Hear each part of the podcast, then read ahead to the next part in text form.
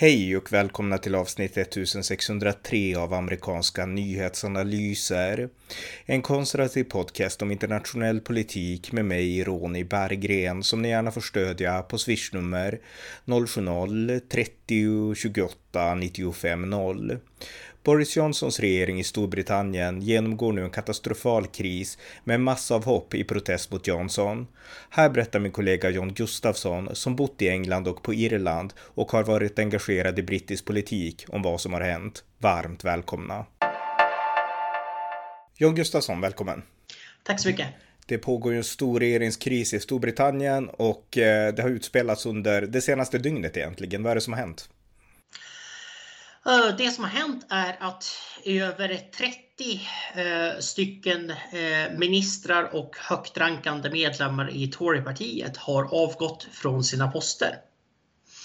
Mm. Så just nu när jag säger det här så är vi uppe i 32 men det avgår någon typ nu vart eller jag tror till och med 34 nu. Det var två stycken typ senaste halvtimmen. Eh, så det här är alltså en, eh, ja, men en galopperande eh, panikartad regerings, regeringskollaps som vi ser. Eh, nu ska vi förstå, nu ska vi förstå bara som en, en eh, lite te teknikal, teknikalia här att eh, Eh, så Storbritannien har, eh, Storbritanniens regering består av eh, the cabinet som är alltså de högsta ministrarna, departementscheferna skulle vi säga i Sverige. Och sedan så har man ju en, en rad eh, biträdande ministrar, ministrar som är underministrar om man säger, om man säger så och eh, parlamentsledamöter som är Eh, som är eh, högsta rådgivare åt olika ministrar och det är de, de tillsammans brukar man kalla för the front bench.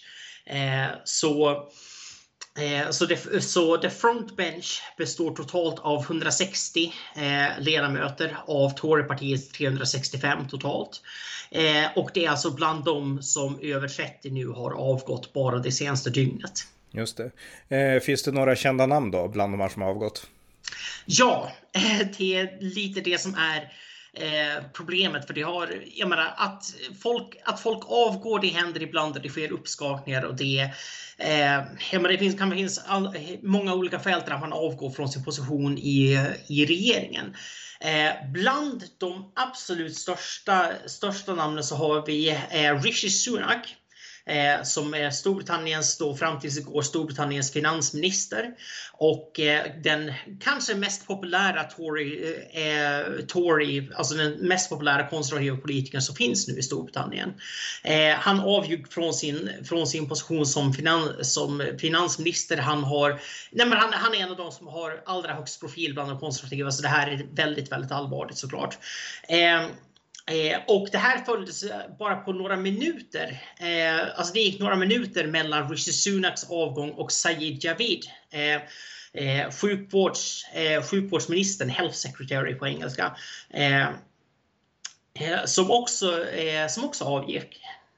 Och eh, det här följdes senare av kronjuristen Alex Shark.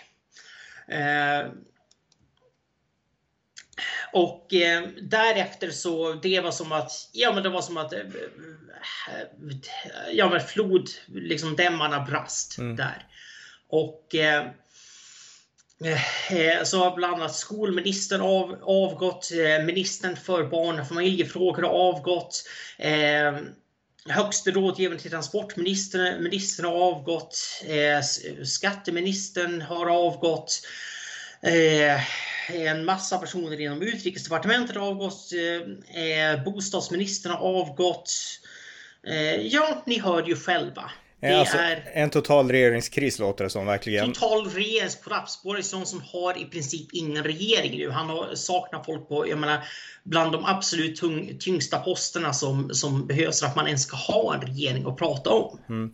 Och vi kan komma in på det om en stund då, men vad var det då som triggade det här? Alltså hur kommer det så här? Jag, jag har inte hängt med i nyheterna, i brittiska nyheter nu på, på några dagar, så att eh, jag hade ingen koll, utan nu läser jag bara att det är total liksom, kollaps i Storbritannien.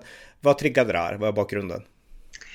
Alltså, eh, vi, ska, vi har ju pratat tidigare på podden om Partygate, alltså att Boris Johnson ertappades med att under ett eh, dussintal tillfällen ha festat eh, under pandemin då det alltså var eh, restriktioner mot det. Och det här har, nej, det har dykt upp eh, bildbevis och vittnen och allt möjligt. Det har varit en pågående skandal som har eh, eh hållit på ända sedan ja, men ungefär december började de första eh, rapporterna om det här komma och det är det här som har sänkt Johnsons popularitet. Han har gått från en premiärminister som så sent som i slutet av 2019 så vann han en förkrossande majoritet i, eh, i valen som hölls då eh, till att eh, nu så vill bara 18% av britterna att han ska stanna kvar mot 69% som vill att han ska avgå.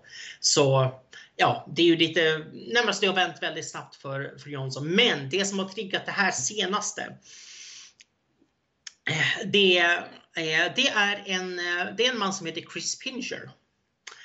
Och eh, Chris Pincher var fram tills, fram tills för en vecka sedan så var han Deputy Chief Whip Alltså en whip det är en ledamot som har ansvar för att se till att, eh, parlaments, eh, att partiets ledamöter röstar enligt regeringslinjen kan man säga. Så det, en whip är den som kommunicerar regeringens position till partiets egna ledamöter och sedan eh, förklara, för, förklara så ska få dem helt enkelt att rätta sig in i ledet. Whip betyder ju bokstavligen piska. Så mm. det är, partipiska det är en position man kan ha i brittisk politik. Så, så, så han var. Tories partipiska alltså? Ja, Tories biträdande partipiska. Chris Pincher. Och eh, det... Eh, det är så här, för en vecka sedan så tvingades Pincher avgå eh, efter att han ertappas med, eh, med att ha begått sexuella, eh, sexuella övergrepp. Och eh, eh, det här gällde ursprungligen bara ett eh, tillfälle då han ser att han var, han var full och han gjorde ett, han gjorde ett misstag. Eh, men, eh, men hur som helst, han tvingades avgå för, för, för en vecka sedan. Eh, och sedan har det kommit fram att eh, över, över tid då att eh, nej men han, har ju, han har ju gjort en serie övergrepp mot en serie personer. Och kanske lite anmärkningsvärt, alla offer är män. Alltså Chris Pincher är homosexuell. Så ja. Så det, så, så det är Chris Pincher. Men man, man, man, kanske, man skulle kunna starta så här istället för metoo, men too. ja, precis. Uh, nej, men det här, det här ja.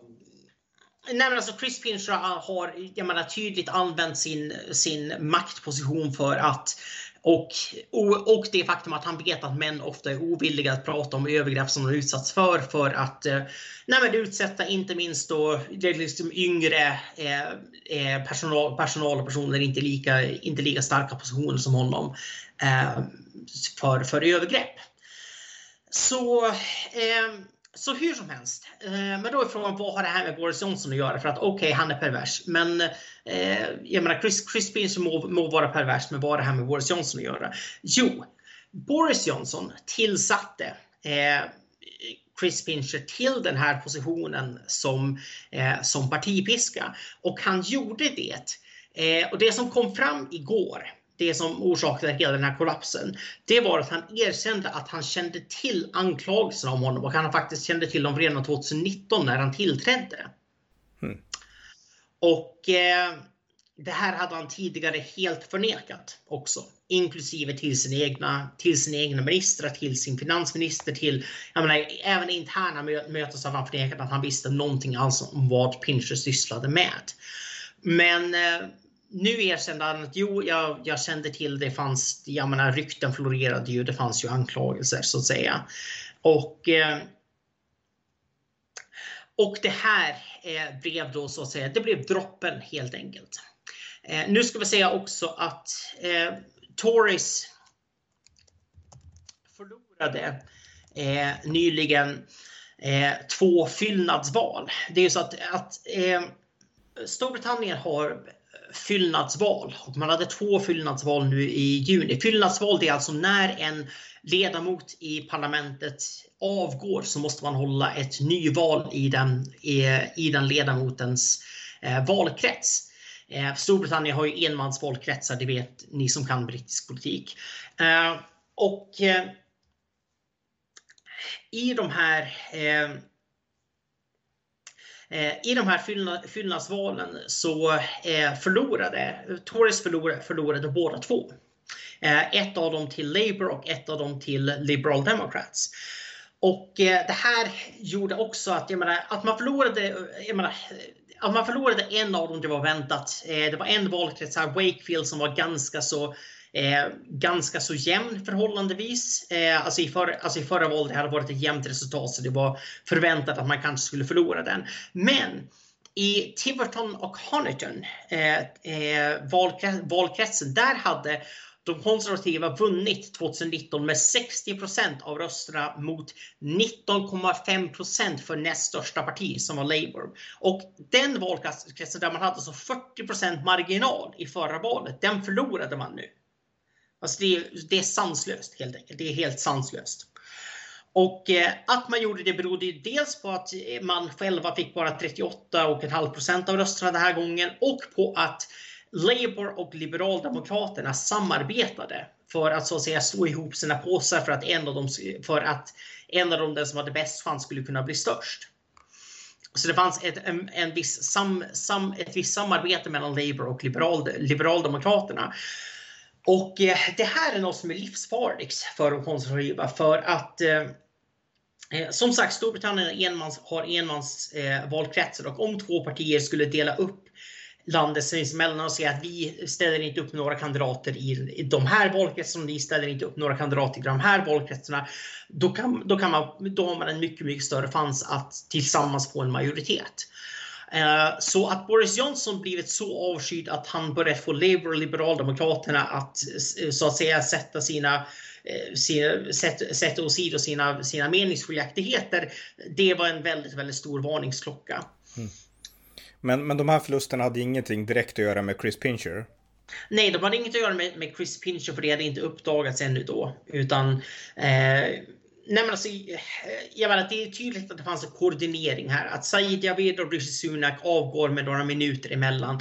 Det, jag menar, det är ju tydligt att de har pratat med varandra och det är också två personer som är, jag menar, spekuleras kring att kunna bli nästa eh, nästa eh, partiledare för de konservativa. Så förmodligen så har de gjort upp någon sorts pakt eh, sins, sinsemellan då.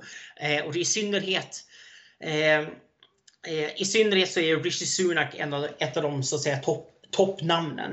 Eh, men det kan också vara så att, att Eh, att eh, eh, Javid eh, avgick och sedan tänkte Sunak att jag vill inte vara den sista som är kvar och liksom eh, den sista som, som är kvar, kvar i regeringen.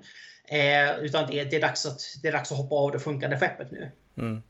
Vi vet inte. Nej, nej, precis. Men alltså Boris Johnson, han överlevde ju en misstroendeomröstning för några veckor sedan bara. Eh, är det här, alltså det kommer att bli en liknande nu antar jag. Kommer det bli annorlunda då eller kommer, kommer Boris Johnsons saga att få ett annat slut nu? Eller få ett slut?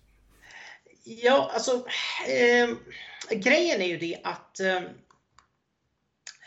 grejen är ju det att eh, man kan tekniskt sett inte ha en till misstroendeomröstning.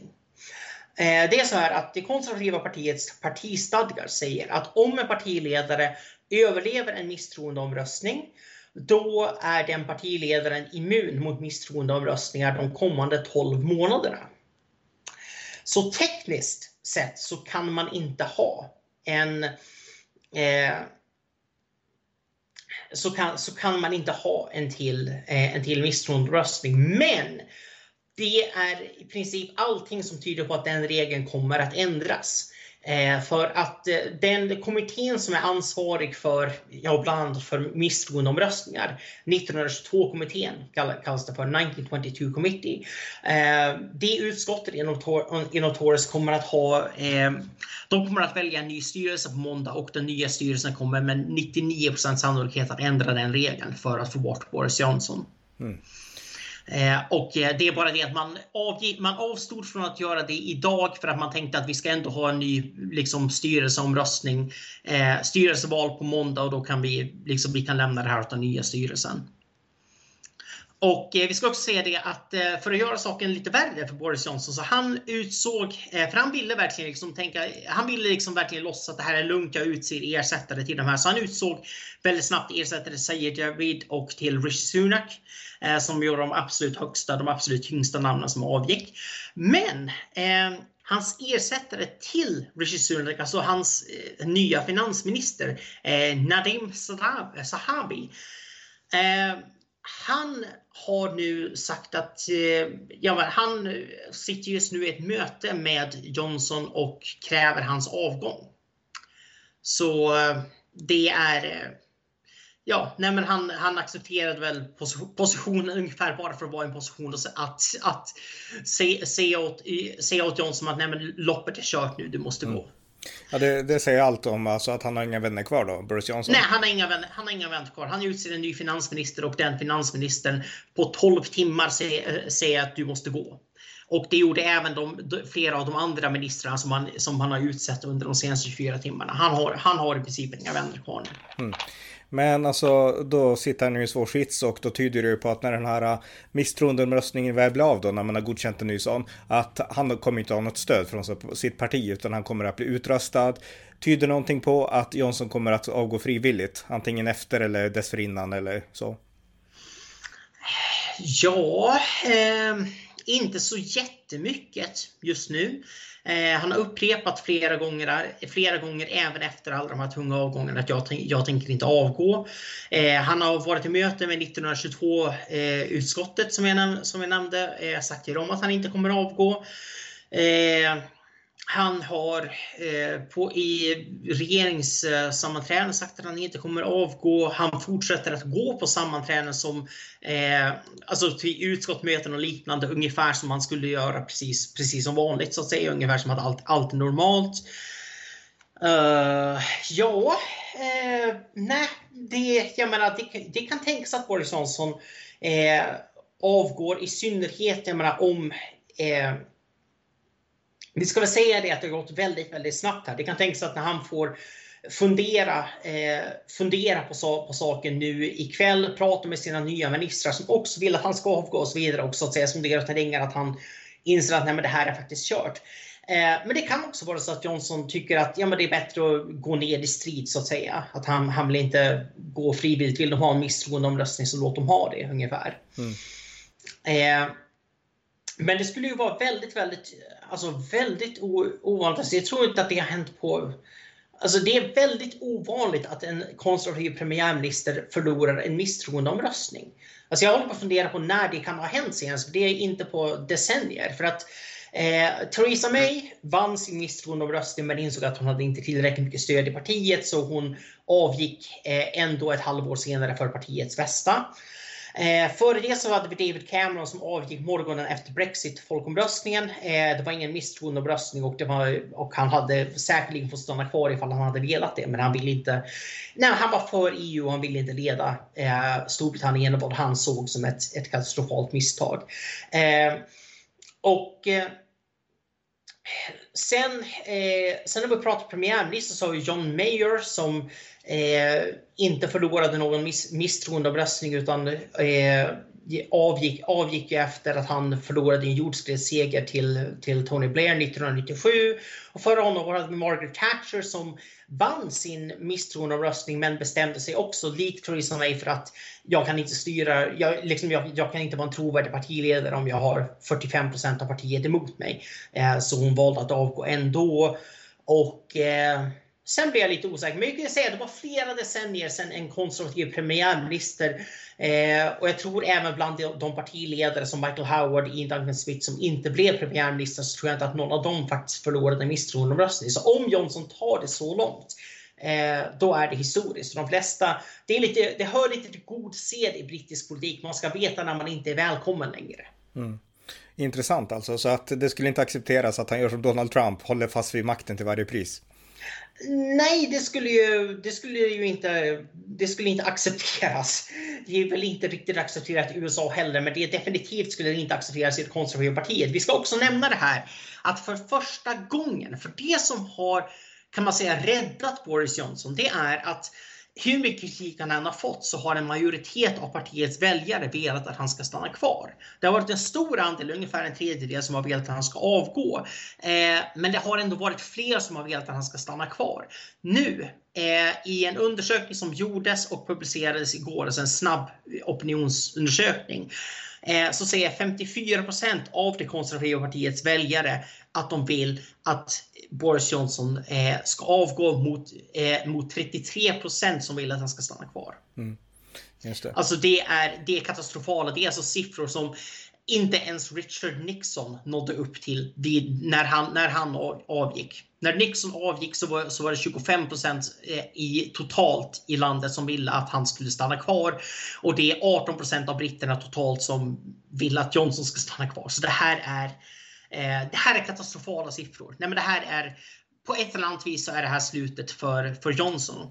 Johnsons eget Watergate. Jag har gjort en poddserie om Nixon. Jag vet inte om du vet det John. Men, men jag jo, jag vet att, jag vet att du, har, du har gjort det, men du, du är så jäkla långtråkig så jag orkar inte lyssna. Men, okay. men jo, du, du berättade det. Um, men grejen är det att det här har, och det här, jag håller på att arbeta med en artikel eh, om just det här för The Dispatch. Eh, om att helt enkelt, Boris Johnson brukar liknas vid Donald Trump, men han är i själva verket en brittisk Richard Nixon. Och det är hela hans, hela hans fall som premiär, premiärminister har alltså, alltså obehagliga paralleller med Watergate-skandalen. Det är inte brottet som fäller en politiker. Det är när du, när du försöker med en cover-up, när du försöker dölja det du har gjort fel. Om Nixon hade sagt att jo, jag hade några partimedlemmar som, eller liksom val, eh, kampanjarbetare som eh, jag menar, bröt sig in i Watergate och de är idioter och jag tar totalt avstånd och så vidare. Visst, han hade säkert tappat lite i popularitet på det, men det hade inte blivit en jättestor grej, ärligt talat. För att jag menar, det var inte, det var inte Nixons idé. Watergate. Det var bara det att han täckte upp brottet när han, när han fick, reda, fick reda på det. Och försökte skydda dem.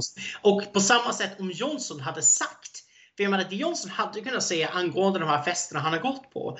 Det är ju att Dels ska, jag, ska jag säga att ja, men jag antog att det här var liksom eh, work events, alltså det här var eh, så att säga arbets firmafester, liksom, hur man ska säga, säga politiska motsvarigheten för att eh, nej men vi har många sociala sammanträ sammanträden och liksom eh, sådana, det ingår i jobbet som politiker. Så att, eh, och eh, och eh, sammanträden inom, på arbetsplatsen var ju, var, ju, var ju tillåtet även under pandemin. Men sen hade, han, sen hade han även kunnat säga att jag fick coronaviruset väldigt tidigt i under pandemin och därför när jag gick på de här festerna så var jag immun mot coronaviruset så kunde inte heller realistiskt sprida coronaviruset för jag hade ju tillfrisknat, jag hade ju antikroppar mot det. Eh, så jag menar, han hade, om man hade erkänt allting direkt och bara sagt jag klantade mig, jag förstod inte hur illa det här skulle se ut, jag ber om ursäkt. Det hade han överlevt. Hade han överlevt. Och om han inte hade förnekat allting så hade folk varit mer villiga att lyssna på alltså hans så att säga förmildrande omständigheter som att han hade antikroppar mot, mot viruset när allt det här hände. Men eh, som sagt, det är inte brottet, det är, inte brottet, det är, det är, det är lögnen som fäller politiker. Mm, intressant. Men det sägs ju också att Johnson besitter någon, någon form av nuclear option. Eh, vad skulle det innebära? Och då menar jag inte kärnvapen på riktigt, utan det politiska begreppet.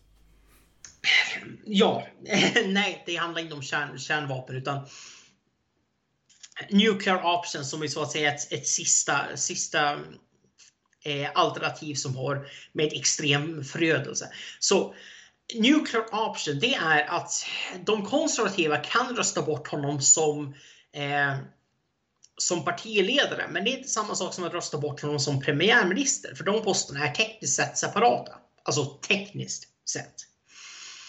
Så om Johnson skulle röstas bort som partiledare, som partiledare så skulle han kunna bestämma sig för att i egenskap av premiärminister eh, utlysa ett nyval. Upplösa parlamentet och utlysa ett nyval. Vilket han säkerligen skulle få stöd av från, från Labours och Liberal Democrats och Scottish National Partys ledamöter. För att eh, de konservativa har jättedåliga opinionssiffror så de skulle, de skulle älska att få ett nyval just nu. Och då skulle han, han skulle hota med det då om han blir liksom avstängd som partiledare? Ja, avstängd men avsatt. Mm. Som, eh, ja, så det är, det är det som det har funnits rapporter kring från eh, personer som, jag menar, politiska analytiker som jag vet i alla fall brukar ha ganska bra koll på brittisk politik. Men det skulle sägas att eh, när, när Johnson träffade 1922-utskottet eh, i eftermiddag så fick han uttryckligen frågan om han skulle göra det här och sa nej, jag utesluter det. Så vi får se om han talar sanning. Men, eh, nej, men jag, tror inte, jag tror inte att han skulle, att han skulle göra det. Eh, men, men det går rent tekniskt? Det går, mm. rent, det går rent tekniskt och i sådana fall skulle ju hela poängen vara att jag menar, det skulle vara nästan bara för att förstöra för sitt eget parti. Och det skulle vara... Nej men det tror, det tror jag inte att Johnson, det tror jag inte att Johnson, Johnson skulle göra. Då skulle det inte bara bli Watergate utan Waterloo. Precis. Ja, men okej, okay, sista frågan här då. Eh, vi har pratat väldigt länge du och jag i flera år om olika konservativa premiärministrar. Utifrån den tid vi har poddat, dryga 10 år, 12 år, så tycker jag att David Cameron har varit den mest karaktärsstarka konservativa premiärministern som jag har hängt med aktivt med. Eh, Eh, jag gillade Blair också, men han var ju socialdemokrat då. Men eh, alltså, det Johnson visar nu är karaktärsbrister. Så att det man kan hoppas på det är väl nästan att nästa partiledare för Tories blir en man med starkare karaktär än Johnson. Vilka kan ta över och vilka håller du på? Eh, om vi ska gå på, om vi ska gå på odds, och nu menar jag verkligen att det finns spelmarknader för sånt här, eh, så har vi de, eh, de så att säga eh, fem eh, toppkandidaterna. Där har vi Penny Mordaunt eh, som är bäst i oddsen nu och hon har verkligen rusat. Hon var en outsiderkandidat i de, eh, både, både, för, både förra gången när det slutade med, med eh, Johnson när han valdes och när Theresa May valdes. Så hon är en person som har varit lite av en rising star inom det konservativa partiet ganska länge. Eh, hon har eh, tidigare Eh, Eh, hon är eh, handelsminister nu, har tidigare varit biståndsminister, har eh, tjänstgjort i, i den brittiska, brittiska flottan. Eh, eh, och ja, vi, vi kommer på anledning att gå in väldigt djupt djup på vem, vem hon är. Penny Mordaunt, positivt.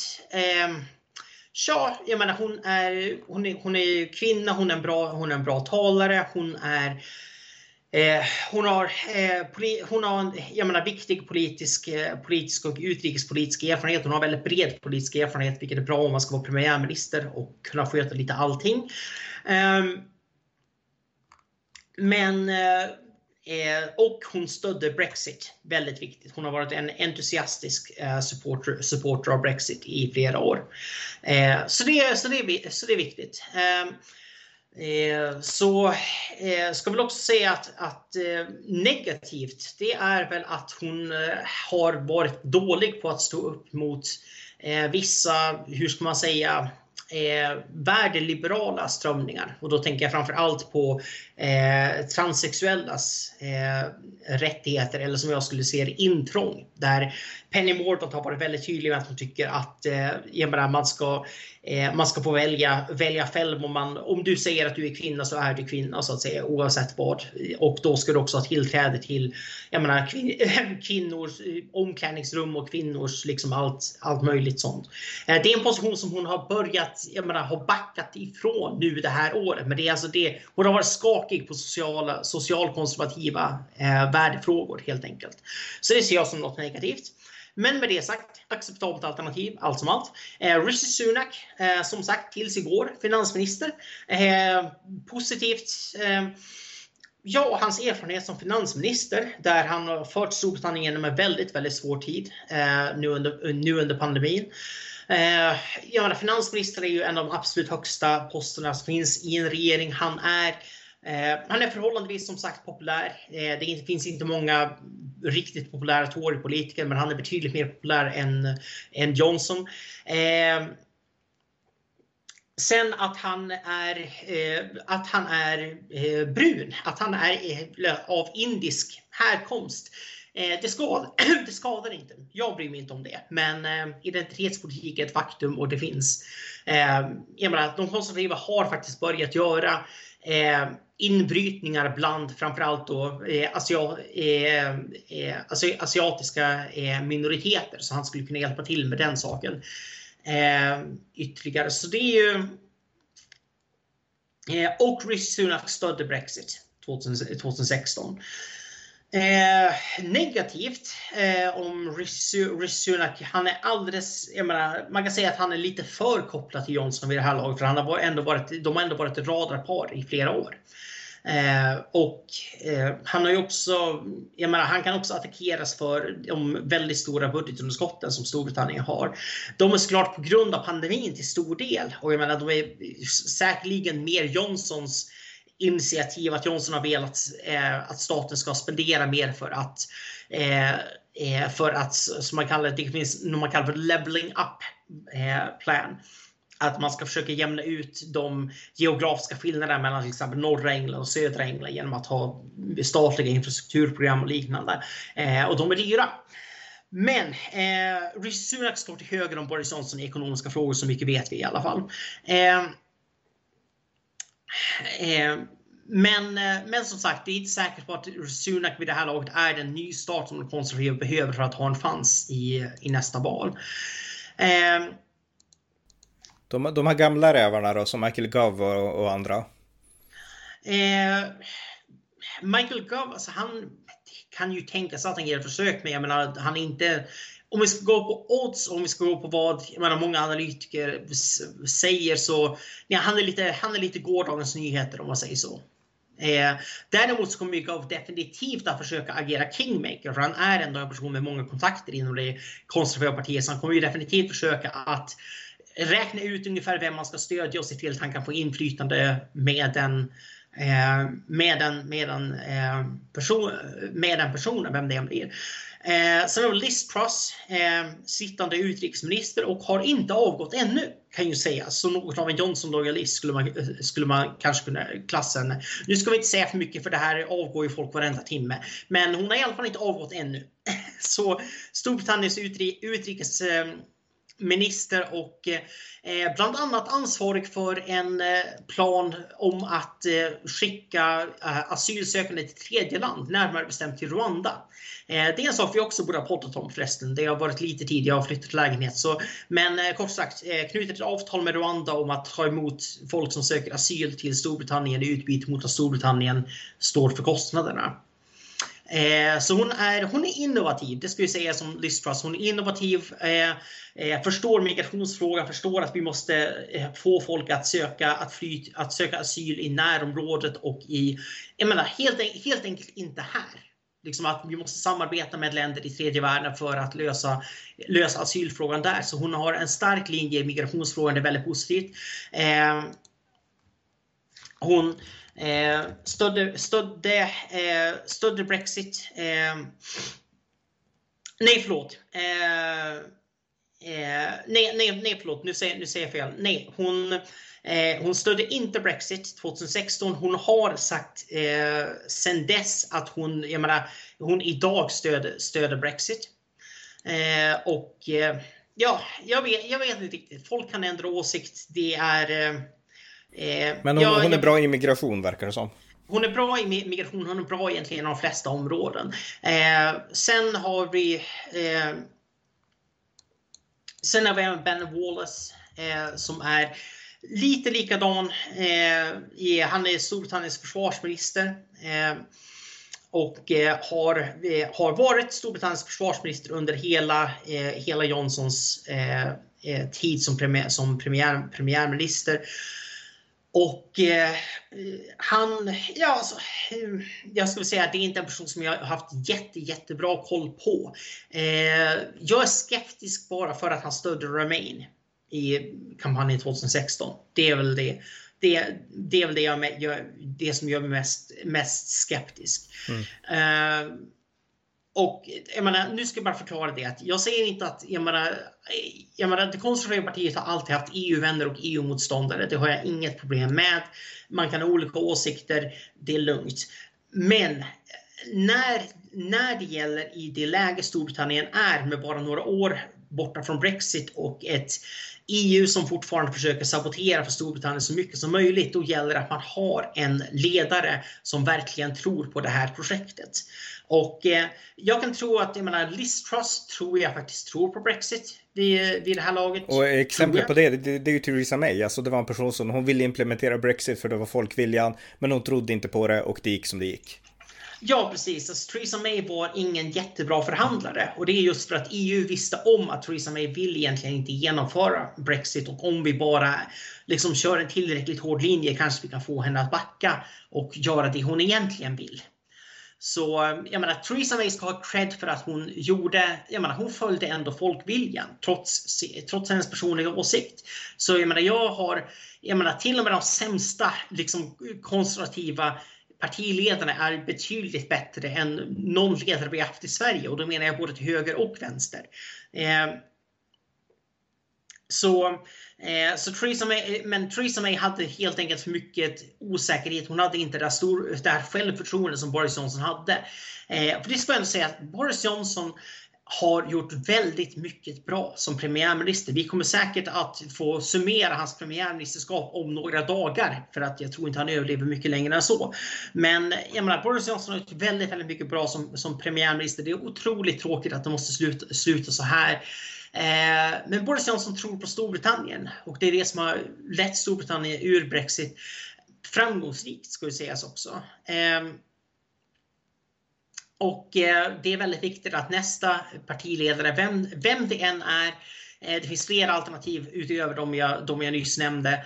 Eh, jag menar, oavsett vem, vem det blir så är det väldigt viktigt att det är någon som behåller just de positiva bitarna med Boris Johnson, som behåller det här självförtroendet, den här tron på den här patriotismen, den här glöden, den här Nej, men helt, helt enkelt, och framförallt innovations innovationsförmågan. Och eh, där som sagt har ju Liz Truss en, jag menar, ett starkt kort där. För att jag menar, det krävs väldigt, väldigt mycket för, för att komma på idén att outsourca hela migrationsgrejen till ett, till ett land i mitten av Afrika. Det får vi ju säga, det är, det är ju kreativitetspoäng på den åtminstone. Och det är någonting som vare sig Socialdemokraterna eller Liberal Dems någonsin kommer att föreslå liksom. Så att, eh, nej. Det kommer de aldrig föreslå. Nej.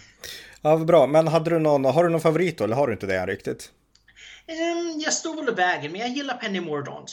Trots hennes um, värde, liksom, värd, värdefrågorna det till, till trots. Eh, Penny Mordaunt eh, har jag länge tyckt i flera, flera, år att hon, skulle, hon är partiledarmaterial. Jag tror till och med jag nämnde det i, när vi poddade om saker för några, för några år sedan.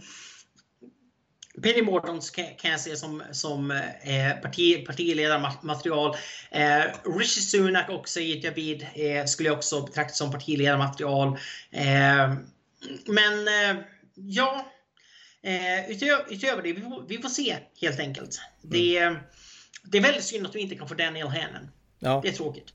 Ja, det är sant. Vad, vad gör han numera, om du vet? Eh, han sitter ju i överhuset. Han är ju en lord. Lord Hannon. Okej. Okay. Hmm. Ja, vi får återkomma med en uppdatering om honom och kanske med honom vid tillfälle också. Men okej, okay, men ska vi avrunda det här avsnittet då? Absolut. Tack. Tack så mycket. Ni har lyssnat till amerikanska nyhetsanalyser där jag vill mana er som har möjlighet att stödja valfri Ukraina-organisation med en slant. Hotet från Putin är långt ifrån över och vi måste vara uthålliga. Vill ni däremot stödja den här podden så kan det också göras på swishnummer 070-30 28 95 0 eller via hemsidan på Paypal, Patreon eller bankkonto. Tack för att ni har lyssnat. Allt gott tills nästa gång. Thank you.